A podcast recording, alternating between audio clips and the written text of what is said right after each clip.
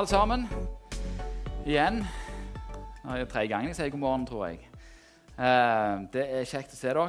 Jeg skal bare be en, eh, en kort bønn eh, for talen. Kjære Jesus, jeg bare ber om at du skal holde din hånd over oss, at du skal vise oss hvem du er, og i dette tilfellet hva, hva, som er, hva som er det viktigste i ditt rike. Amen. Det er jo valg i morgen, og nå ikke dette, skal ikke dette her være en sånn eh, politisk tale i det hele tatt, men jeg tenkte det kan være greit også eh, Jeg ble litt inspirert til å snakke om det som jeg har kalt for Guds rikes grunnlov, som er tilgivelse og forsoning. Det er jo sånn at de, de fleste land og stater og riker i denne verden de har en grunnlov. Og Grunnloven sier noe om hva slags fundament eller grunnvoll dette riket er bygd på. Den mest kjente i verden er kanskje den amerikanske, men for oss nordmenn er det jo grunnloven av 1814 som er liksom eh, det som vi feirer hver 17. mai. Og i Guds rike så fins det en grunnlov, et fundament som dette riket er bygd på. Eh, og denne grunnloven, eller grunnvollen, eh, det er, ser vi her i Feserbrevet 2 og i 1. Korinterbrev 3. I Feserbrevet 2, 19-20 så står det at ser dere da ikke lenger fremmede og utlendinger, men dere er de helliges medborgere og Guds husfolk, bygd opp på apostlenes og profetenes grunnvoll, og hjørnesteinen er Jesus Kristus selv. Og Paulus sier videre i 1. Korinterbrev 3,11 at for ingen kan legge en annen grunnvoll enn den som er lagt. Det er Jesus Kristus. Nå Apostlenes og profetenes grunnvoll det er apostlenes og profetenes lære. Og denne læren den handler om, og den har sitt utspring i Jesus Kristus sjøl. Det Jesus Kristus gjorde på korset, med at han døde, sto opp igjen, for til himmelen, det er hjørnesteinen. Det er det som er fundamentet i, i, eh, i den kristne troa. Men i dette at han gjorde det, det, det er hans verk, så, så ligger det òg en del retningslinjer for dette riket. Um, det er hans lære som regulerer hvordan dette riket fungerer. Og den av eh, evangelistene som er mest opptatt av Jesus' sin lære, hva Jesus lærte for noe, det er Matteus, den første boka i Bibelen. Og Matteus evangeliet er bygd opp rundt fem bolker av Jesus' sin undervisning. Og, disse bolkene, disse fem bolkene det, er, det, det var ment å reflektere hvordan Mosebøkene var delt inn i fem bøker, eller fem bolker. De eh, det var de fem Mosebøkene som utgjorde det eh, jødene kalte for loven, eller Torah på hebraisk. Det ble ansett en dag i dag som de helligste bøkene i Gamletestamentet. Loven som ble gitt av Moses, det var israelsfolkets lov, som regulerte hvordan Israel skulle leve sine liv i det nye landet. Og, og loven, da, eller Torah, det er et ganske stort lovverk. Det er 613 lover. Eh, men grunnloven i Moseloven er kanskje de ti bud som alle de andre lovene er bygd på. Og På samme måte så presenterer Matteus Jesus som lovgiveren av et nytt rike. Han setter en ny lov, en nye, nye retningslinjer. Og Den første og kanskje mest kjente av disse bolkene av Jesus' undervisning i Matteusevangeliet det er det som kalles for bergpreken. Det kalles for bergpreken fordi Jesus sto på et fjell, eller satt på toppen av et fjell når han snakket om det. Og Nå skal ikke vi gå igjennom hele bergpreken, men vi skal se litt nærmere på strukturen.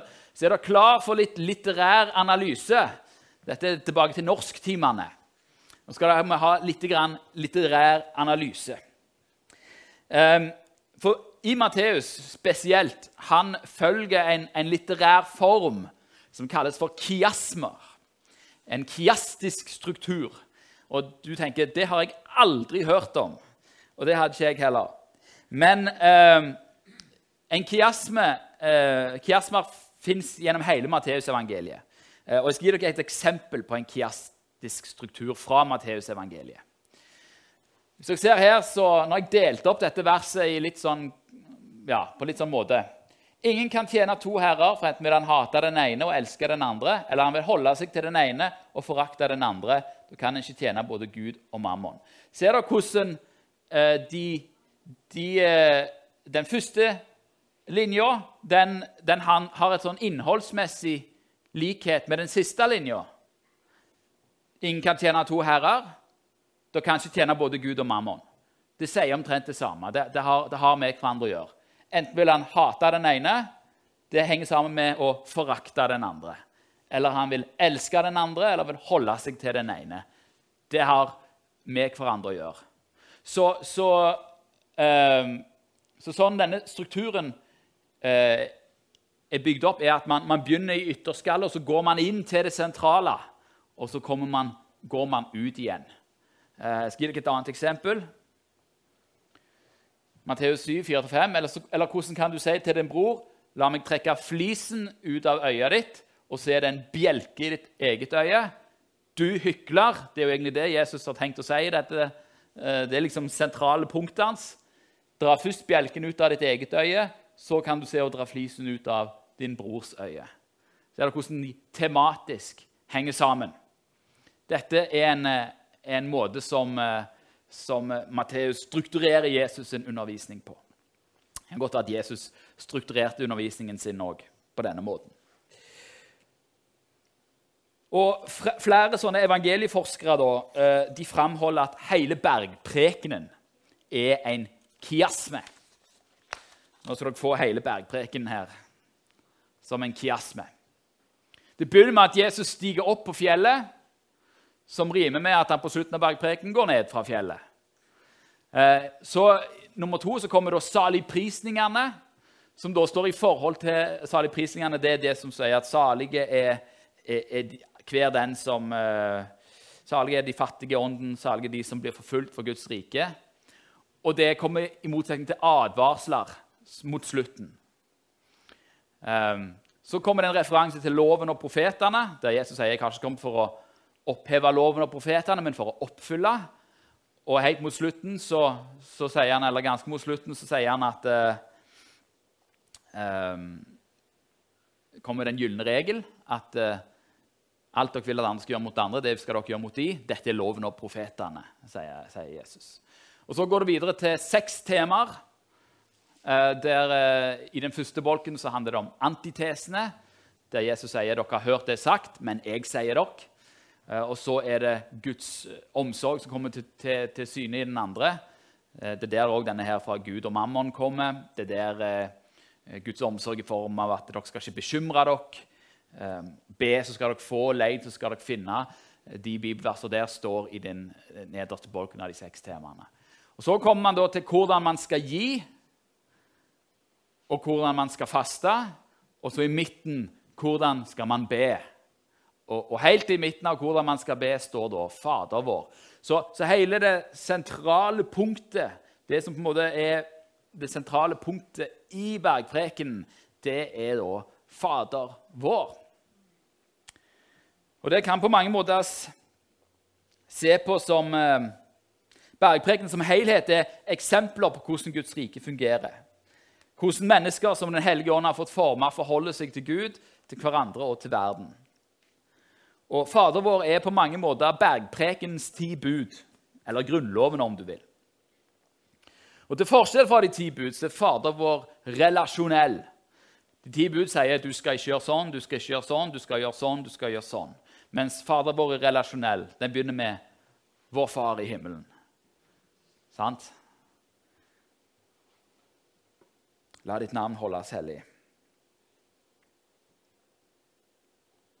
La ditt rike komme. La din vilje skje på jorda som i, eh, som i himmelen. Gi oss i dag vårt daglige brød. Og så kommer det et punkt som sier at eh, forlat oss vår skyld, som vi òg forlater våre skyldnere. Led oss ikke inn i fristelse, men frels oss fra det onde, for riket er ditt makten og æren i evighet. Og I verset etterpå, etter Fader vår, så kommer dette verset. For dersom dere tilgir menneskene deres overtredelser, da skal òg deres himmelske Far tilgi dere. Men om dere ikke tilgir menneskene deres overtredelser, da skal heller ikke deres himmelske Far tilgi det dere har forbrutt. Enhver grunnlov har noen verdier som ikke kan forhandles på. I den norske grunnlovens eh, siste paragraf, 121, der står det at ingen endringer kan skje i Grunnloven som strider mot prinsippene i loven eller ånden i konstitusjonen. Og I den norske grunnlovens tilfelle så er det her snakk om prinsippene om folkesuverenitet. At det er folket som bestemmer til syvende og sist. Eh, det er det vi skal gjøre i morgen. Bestemme som folk. Eh, at det er ytringsfrihet og rettsstat. Og Hvis noen av disse blir trua, så, så truer det selve prinsippet i konstitusjonen. I Guds rike er det prinsippet om tilgivelse som ikke kan forandres på. Vi har snakket om Guds kjærlighet og Guds nåde tidligere her. Inngang til Guds rike er gjennom Guds kjærlighet og vilje til å tilgi oss i Jesus Kristus. Jesus sitt sonoffer det er døra inn i hans rike. Guds tilgivelse er det vi står på. Og fordi det er essensen av hva Guds rike handler om, så bruker Jesus så sterke ord om tilgivelse at hvis vi ikke tilgir, så tilgir heller ikke Gud. Men vent nå litt. Betyr det at vi må gjøre gjerninger for å komme inn i Guds rike? Det ser her ut som om min evne til tilgivelse er en forutsetning for å motta Guds tilgivelse. Er det sånn jeg skal forstå dette ordet? Nei, det er ikke sånn det skal forstås. Det skal heller forstås på en sånn en måte at hvis du virkelig har forstått din egen synd og hvor dypt din synd mot Gud går, og har fått tatt imot den tilgivelsen fra Gud og fått tatt imot hans kjærlighet At du har sett hvor stor Gud i sin kjærlighet er, så kan ikke vi annet enn å tilgi de som har synda mot deg. Og så tenker noen av hver huh, Det blir jeg svett av. Blir du svett av dette? Hvis dette er et ufravikelig punkt, syns du dette er vanskelig?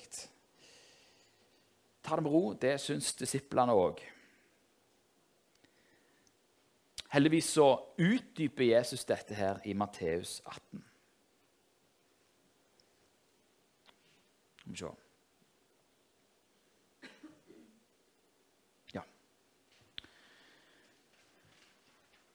I Matteus 18, 21-22 så kommer Peter bort til, til, Jesus og sier han, 'Herre, hvor mange ganger skal min bror kunne synde mot meg, og jeg tilgi ham?' Inntil sju ganger. Sju ganger det er ganske mye. Altså Hvis noen har gjort vondt mot deg, ikke bare én gang, ikke bare to, ikke bare tre ganger, men syv ganger, da må det vel være nok? Sant? Det er det vi ønsker. Eh, så Peter trodde han var raus her. Han syntes sjøl at han var veldig raus. Hvor mange ganger skal jeg tilgi? Eh, og eh,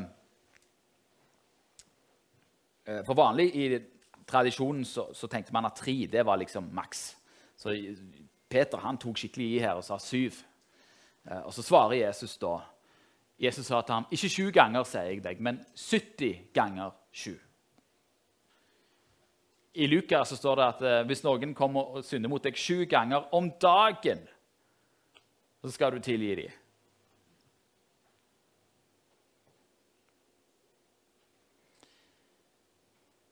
Dette svaret fra Jesus må jo være forbløffende.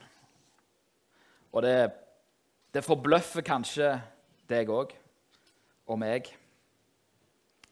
Når Den kjente forsvareren eh, Brynjar Meling han har noen hørt om. Han fikk en gang spørsmålet hvor godt kjenner du egentlig Norges lover? Og Da svarte han at jeg snakker Norges lover flytende.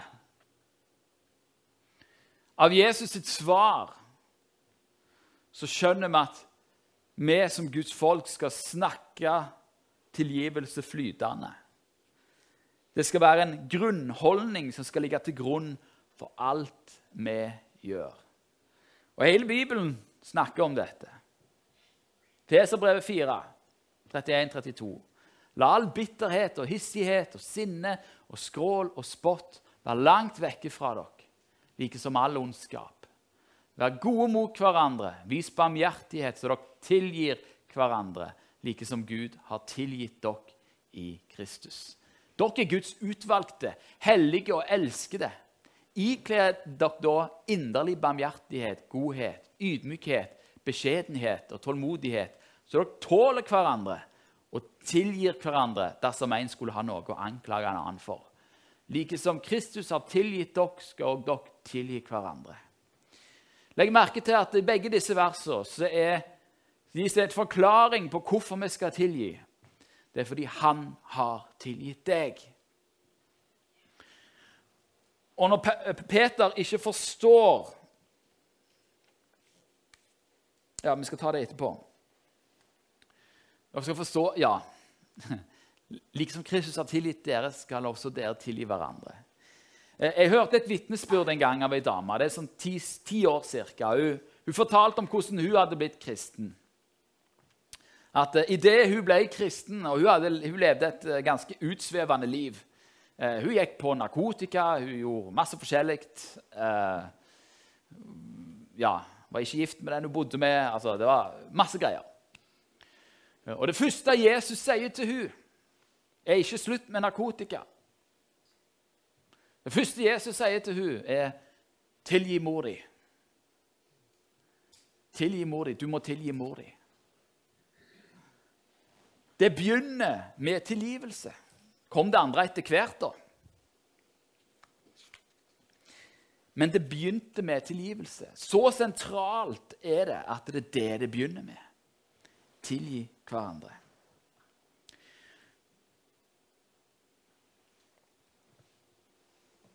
Peter han forstår ikke helt dette. Han forstår ikke greia med, med 70 ganger 20. Hvorfor skal jeg tilgi så mye? Dette er jo helt bananas. Så Jesus forteller en lignelse, og den skal jeg lese for dere. Eh, jeg tar den ikke opp der. Jeg tar opp bare noen sånne key, noen sånne nøkkelord. Men det står da i, i uh, Matteus 18, uh, vers 23-35. Derfor er himlenes rike å ligne med en konge som ville gjøre opp regnskapet med tjenerne sine. Da han begynte med oppgjøret, ble det ført fram for ham en som skyldte 10 000 talenter. Men da han ikke hadde noe å betale med, bød Hans Herre at han skulle selges, han og hans kone og barn og alt han eide, og gjelden betales. Tjeneren kastet da seg ned for ham og sa, 'Ha tålmodighet med meg, så skal jeg betale deg alt sammen.' Herren hadde da inderlig medynk med denne tjeneren, og han løslot ham og etterga ham gjelden. Han trengte ikke betale gjelda på 10 000 talenter. Men da tjeneren kom ut, møtte han en av medtjenerne sine som skyldte ham 100 denarer. Han grep fatt i ham, tok strupetak på ham og sa, 'Betal det du skylder.' Medtjeneren falt da ned for ham, bønnfalt ham og sa, 'Ha tålmodighet med meg, så skal jeg betale deg.' Men han ville ikke. Tvert imot, han gikk av sted og fikk kastet ham i fengsel. Der skulle han sitte til han hadde betalt det han skyldte. Men da medtjenerne hans så det som hendte, ble de svært bedrøvet, og de gikk og fortalte sin herre alt som var skjedd. Da kalte hans herre ham for seg og sa til ham, 'Du onde tjener, hele gjelden din etterga jeg deg fordi du ba meg.' Burde da ikke også du vise barmhjertighet mot medtjeneren din, slik jeg viste barmhjertighet mot deg? Og hans herre ble vred og overgav ham til dem som piner, inntil han betalte alt han skyldte. Slik skal også min himmelske Far gjøre mot dere, om ikke hver og en av hjertet tilgir sin bror. Han hadde fått hele gjelden ettergitt på 10 000 talenter. Og Så tok han strupetak på en og nekta å tilgi han som skyldte han 100 denarer. Nå For oss som sitter her, så er det liksom 10 000 talenter. Ja, hvor mye er det? 100 denarer, hvor mye er det? Det er ikke sånn begrep som vi har nødvendigvis gjort. Jeg skal lese denne historien for dere en gang til. Og så skal jeg bruke pengesummer som dere forstår. For jeg har regna på dette her for å finne ut hva vil det si i norske kroner og øre? Er dere klar? Himlenes rike er å ligne med en konge som ville gjøre opp regnskap med tjenerne sine. Da han begynte med oppgjøret, ble det ført fram for ham en som skyldte 97,5 milliarder kroner. 97,5 milliarder kroner. Men da han ikke hadde noe å betale med, bød Hans Herre at han skulle selges, han og hans kone og barn og alt han eide, og gjelden betales. Tjeneren kastet seg da ned for ham og sa, 'Ha tålmodighet med meg, så skal jeg betale deg alt sammen.' Hvordan skal du kunne betale 97 milliarder? Herren hadde da inderlig medynk med denne tjeneren. Han løslot ham og etterga ham gjelden. Han slapp å betale 97 milliarder. 97 milliarder. Det er nesten 100 milliarder. Det er jo et halvt statsbudsjett. Men da tjeneren kom ut, møtte han en av medtjenerne sine som skyldte han 162 600 kroner. Han grep fatt i han, tok strupetak på ham og sa, 'Betal det du skylder.' Medtjeneren falt da ned for ham, bønnfalt ham og sa, 'Ha tålmodighet med meg, så skal jeg betale deg.'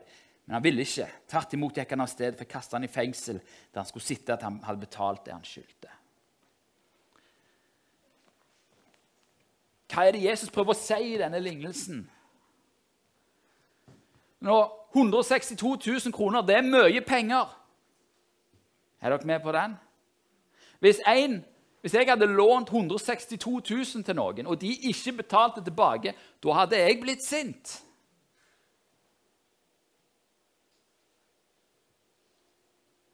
Men Jesus sier at vi skal tilgi òg det som gjør veldig, veldig vondt. Hvorfor det? Jo, fordi den, det som vi skylder Gud, det er 97 milliarder. Og han har tilgitt alt. Derfor skal vi tilgi.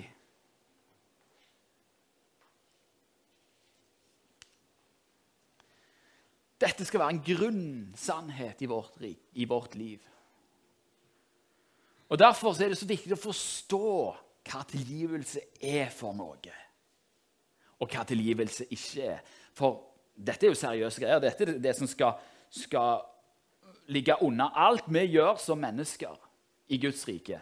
Tilgivelse er det som skal, skal, skal være eh, bærebjelka i dette riket.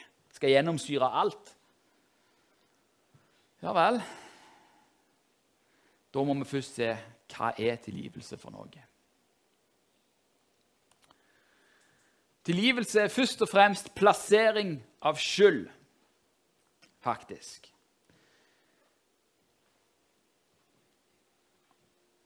Og det tenkte du ja, det er jo obvious. Nei, det er faktisk ikke det. Veldig mange som har blitt såra, og som har blitt synda mot, prøver å unnskylde det med at ja, ja, men jeg gjorde jo ting Jeg fortjente det sikkert. De prøver å snakke det vekk. Men for at tilgivelse, tilgivelse skal, kunne, skal kunne finne sted, så må du faktisk si det var din feil. Du må kunne skille mellom ja, du gjorde det mot meg. Det var ikke rett. Før tilgivelse kan finne sted, så må man plassere skyld. Det var feil. Der synda du mot meg. Det er første, det er forutsetning for tilgivelse. Punkt nummer to er at tilgivelse er å sette den andre og deg sjøl i frihet. Ved å ikke kreve hevn, tilbakebetaling, oppreisning for synd begått mot deg, så settes ikke bare den andre i frihet, du setter deg sjøl i frihet. For når synd begås, så oppstår nemlig et bånd av skyld mellom partene. Det binder partene sammen. Hvis du har synda mot noen, så er det et bånd der. Et veldig ubehagelig bånd. Samme hvis noen synder mot deg, så eksisterer det et bånd der som er ubehagelig. Det er et bånd av skyld. Og Hvis ikke dette båndet blir løst, så vil det forgifte begge partene. Det er det som er så dumt. At selv jeg som er offer, vil bli forgifta jeg vil fortsette å bli forgifta av dette båndet. Synderen, han som har gjort det, han vil bli bundet i skyldfølelse. Eller hvis han nekter å kjenne på skyldfølelsen, så vil han ikke kjenne noe i det hele tatt. Da vil han også bli fratatt gleden i livet. Og offeret vil bli bundet i bitterhet. Tilgivelse det frir begge parter fra syndens lenker og konsekvenser og skyld. Kanskje ikke alltid konsekvensene, men det tar vekk skylden. Det tar vekk Det tar vekk det som er, som er vondt.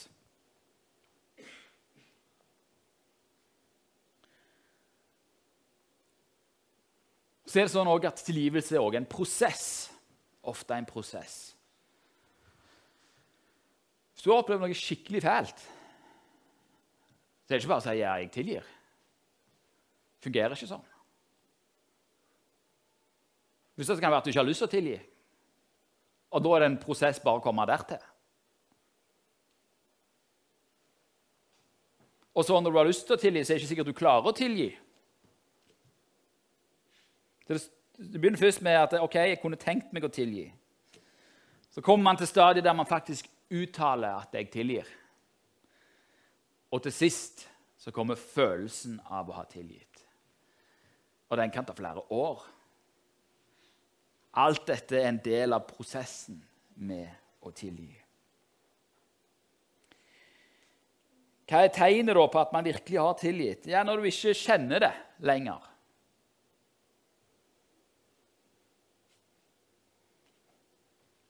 Da bruker man heller ikke saken mot vedkommende lenger. Snakker ikke stygt om den som har synda mot deg lenger. Det er sann tilgivelse. Da er du fri. Og Så er dette en prosess, da. Så det er helt greit å innrømme at ja, jeg er ikke der ennå. Jeg er på vei der, men jeg er ikke der. Det er tilgivelse. Så skal jeg si et par ting om hva tilgivelse ikke er. Hva tilgivelse ikke er. Tilgivelse er ikke lettvint, i hvert fall ikke i saker som er harde. I en eh, situasjon der, eh, der du virkelig har blitt såra, så kan du ikke bare si 'Ja, jeg tilgir deg', og så er det ferdig. Det fungerer ikke sånn. Da må du faktisk våge å ta den prosessen med det.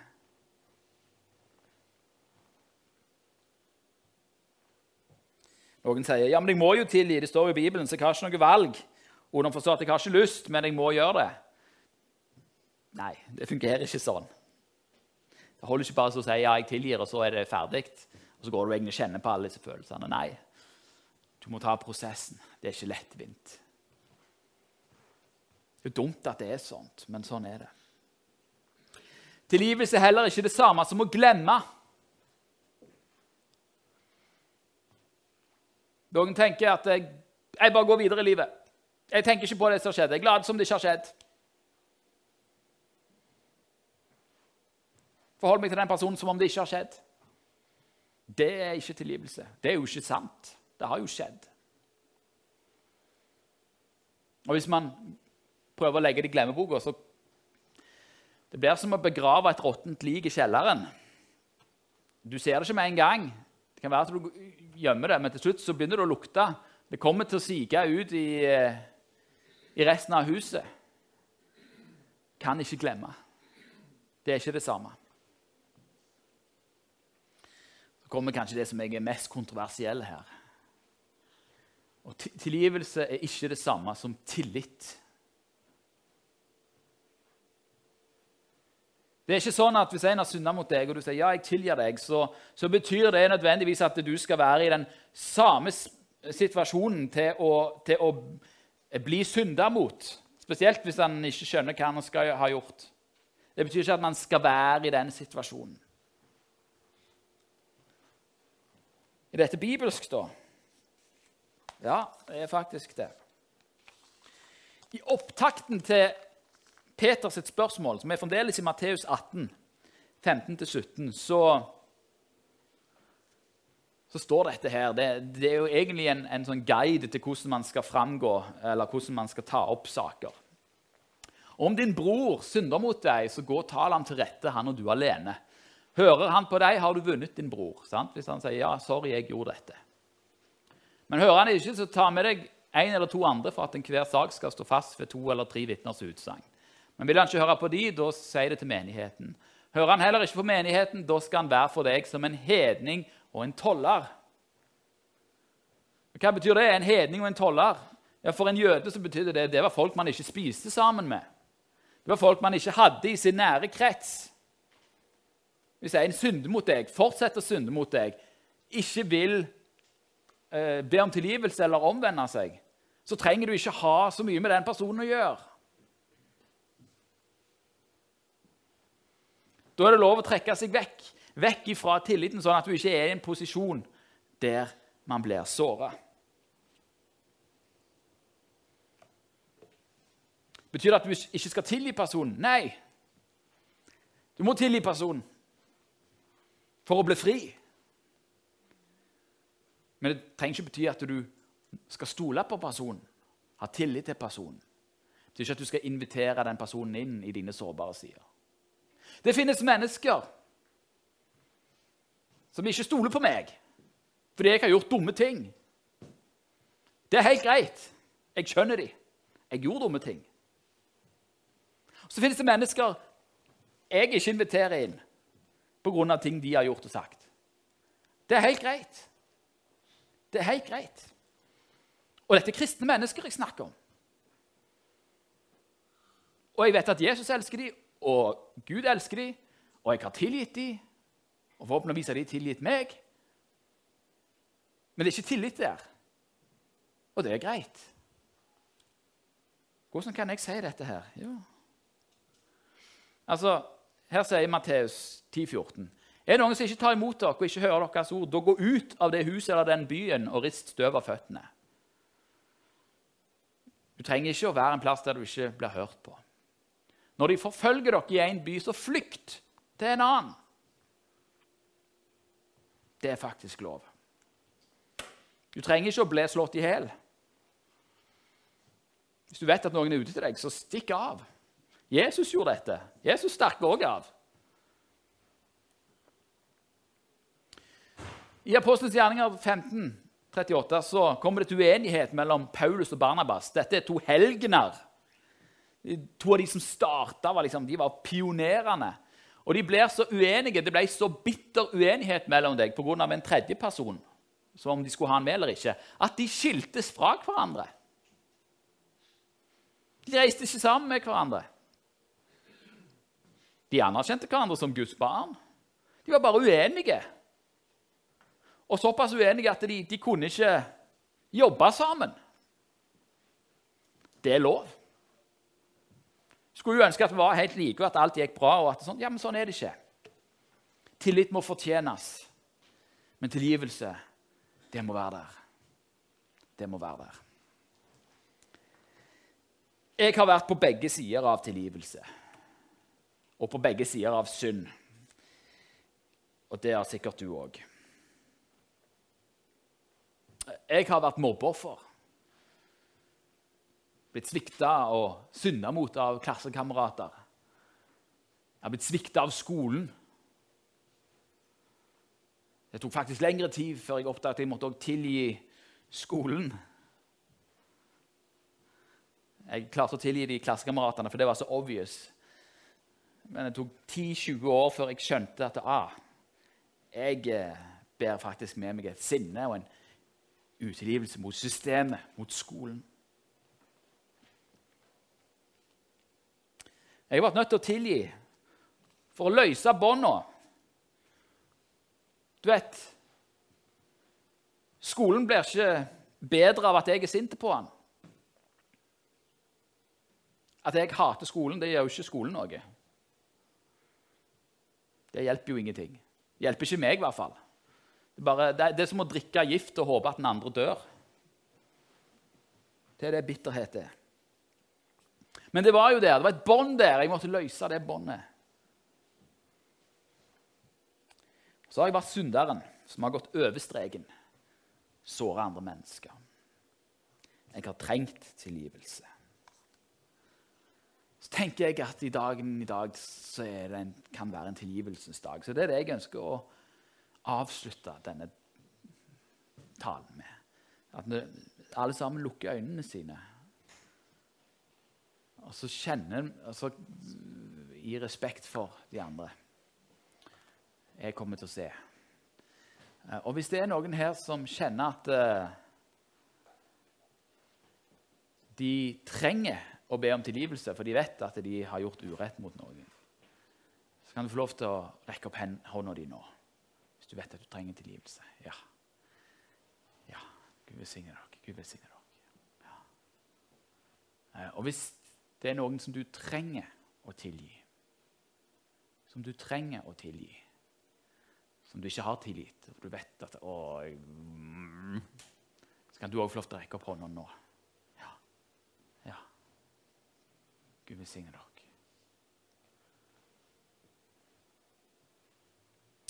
Da skal jeg, ha lyst til å be for dere. Kjære Jesus, jeg takker deg, Herre, for at du er tilgivelsens Gud. Og Du ser disse som eh, trenger tilgivelse nå, Herre. Jeg ber om at eh, hvis det er mulig, at de skal kunne ta det opp med de de de som de trenger tilgivelse av, og at de skal ta det opp med deg og leve i lyset med det som er med synd som de har gjort mot andre. Og Så ser du òg de som trenger å tilgi andre, og du ser hvor utfordrende og vanskelig det kan være. Du har omsorg for oss, du forstår oss. Og du krever ikke at vi klarer alt på en gang, for tilgivelse er en prosess, Herre. Men jeg ber Herre om at du skal komme Herre, og hjelpe oss med å tilgi, sånn som du har tilgitt oss takker deg for det. Så ber jeg her om at din tilgivelse skal, bli, skal være det som, som eh, gjennomsyrer våre menigheter. Som gjennomsyrer ditt rike. Som gjennomsyrer eh, det livet vi, kan, vi lever sammen. At vi kan leve i tilgivelse. Fri for disse båndene som binder oss sammen på en dårlig måte. Og heller bli bundet sammen av kjærlighet og glede, Herre. Amen.